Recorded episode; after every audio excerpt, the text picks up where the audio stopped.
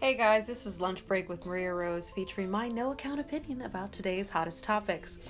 As you know, the last couple weeks in the news have been cray cray. So we had to devote some segments to those topics in particular, but we are back to our regularly scheduled programming discussing today's hottest topics in the news and celebrity news. So, Ariana Grande and Pete Davidson, they were apparently engaged. They called off their engagement. You know, I just find her really beautiful, and I hope she finds happiness. She gives a lot of people happiness. I hope she finds it for herself. I do. I mean, you know, I, I I'm gonna be totally, you know, funky. I wasn't feeling the whole Big Sean thing. I thought that was a phase because, you know, Big Sean is, you know, he's not some kind of hybrid, uh, culturally, you know. He, I felt like, was just, you know, way too uh, experienced for her. And so she moved on. She got with Mac Miller. We lost Mac Miller. And that was devastating. I actually really, really, really loved his music. I was a huge supporter of his. Uh, she was dating him, left him because he just, you know, uh, wasn't able to find stability enough for her to uh, feel fulfilled. So she moves on, she gets with Pete Davidson. And I'm telling you right now, when I saw that they were together, I had to stop from laughing because it was just a joke. Pete is a comedian. Do you know how hard it is for a comedian to find love? It's hard. You know, it's probably as hard as it is for a very beautiful woman to find love. She's very beautiful. Her music is compelling. And it's just, um, it just seems uh, paradoxical that she doesn't have a relationship that is as epic as her career. So true. So true. Goodness knows I can't wait for her to find love. I hope that she does soon because she is America's sweetheart and she's so uh, poised. She's so talented, and I just adore her uh, musically. And uh, but here's here's what I do know: she's not gonna find it in, you know, a an urban rapper, and she's not gonna find it in a jokester. I think that she I think that she needs to consider dating somebody that's more uh, more like who she is. She's a pop singer. She might want to try out, you know, Charlie Puth, somebody. They're all they're all available, right? I think she I think she should I think that she should consider dating somebody that that is is more like who she is. But um uh you know, speaking of pop news, we have been informed that Michael Bublé is retiring from music after his son's fight with cancer. You know, I just want to say, Michael, don't say it ain't so. I mean, let this experience of your life just infuse your music. You have so much to give. Your, your music, your sound, it's flawless. We need you. Use this. Use this to make your music better. 100%. When I read the headline, I was floored. I mean, that's like music is who he is. We need him all the more. We need his uh you know, take on life and how it will like Judith Arthouse said, how it will affect his music for the better because of his the depth of this devastation. And as a songwriter myself, I know that uh, the Beauty for Ashes in songwriting is that our music only gets more it only gets more relatable. We are on, we we become better songwriters singers with trial and tribulation. And one would say oh well you know wh- what about the human aspect? Because hey if you're going through devastation who cares about music? Who cares about those who cares about you know uh, uh, uh, uh, people that aren't fighting with you on the daily? And i would say you know what you'd be surprised how many people are surviving their life because of your music and I just I hope that he has a change of heart. I do because I love his voice and I think that he is irreplaceable. I do. Um, it's it, and it's a hard place to be in. I don't think that you know. I I, I feel underqualified to truly talk about it because I don't. I haven't been through that. Um, but I do. Uh, believe that um, this experience will make him a deeper individual that has even more to contribute to the world of music. And, uh,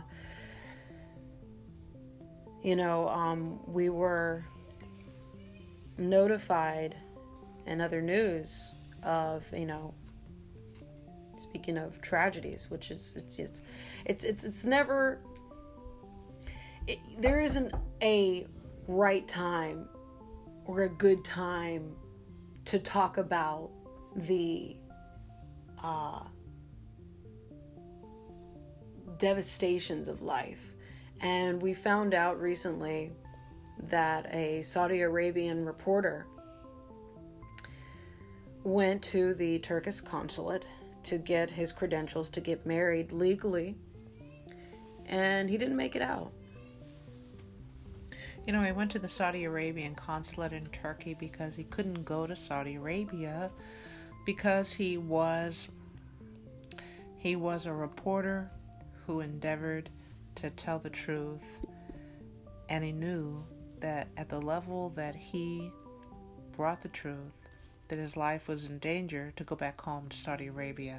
He loved his country, he loved his culture, he just wanted to see them move more toward a democracy and away from cultural imperialism that had a much lesser regard for human rights. He believed it was possible he thought his voice would help the process along. The fact that he went to the Saudi consulate in Turkey and didn't come out has created an international crisis because Saudi Arabia has been positioning itself as a place to come and do business. And now they appear so barbaric. 100% that it's giving pause to the world. Now, let me just say every nation, every culture has its barbarianism, yes. But when it is open and blatant, it's it's it's on a different level. There are many different ways if they were going to end and extinguish the life of a reporter that they could have done it privately, but to do it openly, to do it brazenly, to do it blatantly, is to say, we are um, who we are, and if you want to do business with us, you have to be okay with this. And it's like the collective conscience of the world is saying, that is not no. okay. No, no, no, no, no. That's, that's not okay you know, there's a special place in hell for the people that took the life of this Saudi Arabian reporter. not I mean you you guys know me, okay? listen to the show, you know I, I am exactly how you think I am. I'm lighthearted, I'm I'm, you know, fun. There are a few things that make me angry, and this story made me angry. Someone has to pay, someone has to be held responsible for this. And they wanna they wanna uh brush it over. Saudi Arabia is attempting to make it a non story. We don't know where he went. He left Bull. His phone recorded the entire tragedy. And I want justice. Um, I I'm feeling like law abiding citizen right now. I don't know if y'all have seen that movie with Gerard Butler where he found who uh, captured and killed his wife and child and he slowly tortured them. The, I literally, it's like, you know, I really have to, I really gotta uh, find some kind of balance emotionally when it comes to this story because you really feel eye for an eye kind of kind of feelings when you hear about an innocent loving fiance getting tortured. It's it's it's it's devastating it's inhumane and someone must be held accountable and I will be following this story so we will be giving you an update soon because I I I I just am speechless and I am moved to tears for his fiance, for his family, and it's just it's just as wrong as you can possibly achieve in this lifetime. What happened to him was the wrongest wrong incident because there's just no way to justify it. There's no way to understand it. And uh, my my heart and my prayers go out to his family. You know, there's one last thing I want to say about it, and that's that it demonstrates the love of a man. Oftentimes, we hear about the love of a woman, and yes. here is the love of a man. He put himself in harm's way to get the paperwork necessary to marry the woman he loved. Now, he could have just shacked up with her and said, You know what? I can't go in that part of the world, honey. It's just too mm-hmm. dangerous. But he wanted to give her the legitimacy of marriage. He put himself in harm's way. This was all just to get the paperwork to get married. Now that if that's not moving and touching and Shakespearean, I don't know what is.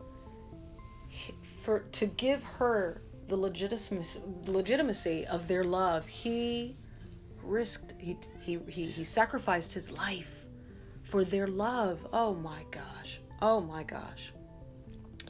Yeah, we will we will keep you up to date on this story. And so now we are approaching the end of our segment and as you know, we end on a positive note because it's all about the yin and yang. We got positive in the world, we got negative. We're going to end on a positive note because there are a lot of good things that happen too. Elon Musk, the CEO of Tesla, he donated $480,000 to Flint to install a clean water system in every school in Flint. You know, I just love what money can do. This is what money can do. There you go. $480,000. Let's say you can buy a house, you could go shopping, or you could install safe water in an entire community. It really shows you the power of money, and I think that when it's used this way, it it it inspires you mm-hmm. to want to be able to do the same on whatever level you can. Use your money to make a difference. Amen. Absolutely. You know, whenever I hear stories like this, I am reminded that I'm reminded why the rich even exist, right? We see people just driving, you know, Lamborghinis, you know, flying off in their jets, and we're just like, you know, what in the world? Why why do the, the why is there such a gap between the one percenters and, you know, common folk? But you know what? Stories like this remind me why that exists because if if the people that have an insane amount of money collectively do this, then everyone everyone is is is, is going to be okay. And and he I believe is is a part of a movement. There's I have no doubt that he's not going to inspire other people that are swimming in money like he is. You know. We're talking about so much. You can't even spend all that money. You can't spend it in a lifetime. Your grandkids can't even spend those kind of billions of dollars unless they're drink, you know, unless they have a Kool-Aid water fountain in their house. You know, and they're wiping themselves with $20 bills like you know, you can't possibly spend all that kind of money. You might as well donate it to, you know, give a couple people, you know, some fresh water. And it, it's just, a, it's such a story that reminds you that there's still some humanity left in the world of the filthy rich.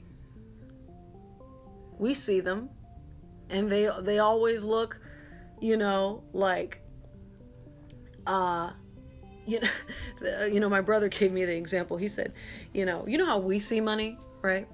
We spend $20. We're like, wow, we just spent $20. You know, that was kind of expensive we buy something we really need a computer. Wow, that was expensive. Money counts, every dollar counts. He said, you know, the really, really rich look at money like how goldfish look at the food that you sprinkle in the tank. They're thinking you're sustaining our life and it is so valuable. You're sprinkling in a $2 worth of, of goldfish food that means nothing to you. And he said that's how the rich see money compared to how we see money. And I feel like this story just reminded me that, you know, maybe not all the rich see it that way. Maybe they really do see the value of every dollar. That's how, you know, like Judith Arthouse said, you know, you can buy a house. He could have bought another house. He could have bought two cars. But he saw how truly valuable money money is and how much of a tool it is because he used it as the tool that it is to install a clean water system in every school in Flint. Kudos to Elon Musk. You know, I got to put my Tesla on layaway just because of that. Support Tesla. I actually love Tesla. I loved it, you know, anyway. And now now I do all the more. He's he's an incredible man, and and I'm I'm so happy that he uh, empathized with the uh, children of Flint and the people of Flint enough to extend himself in that way. So I'm I'm I'm just moved, but it looks like we are all out of time, and so we will sign off. We keep it real. We keep it funky. And you know, we keep it our no account opinion. This is Lunch Break with Maria Rose. Thanks for listening.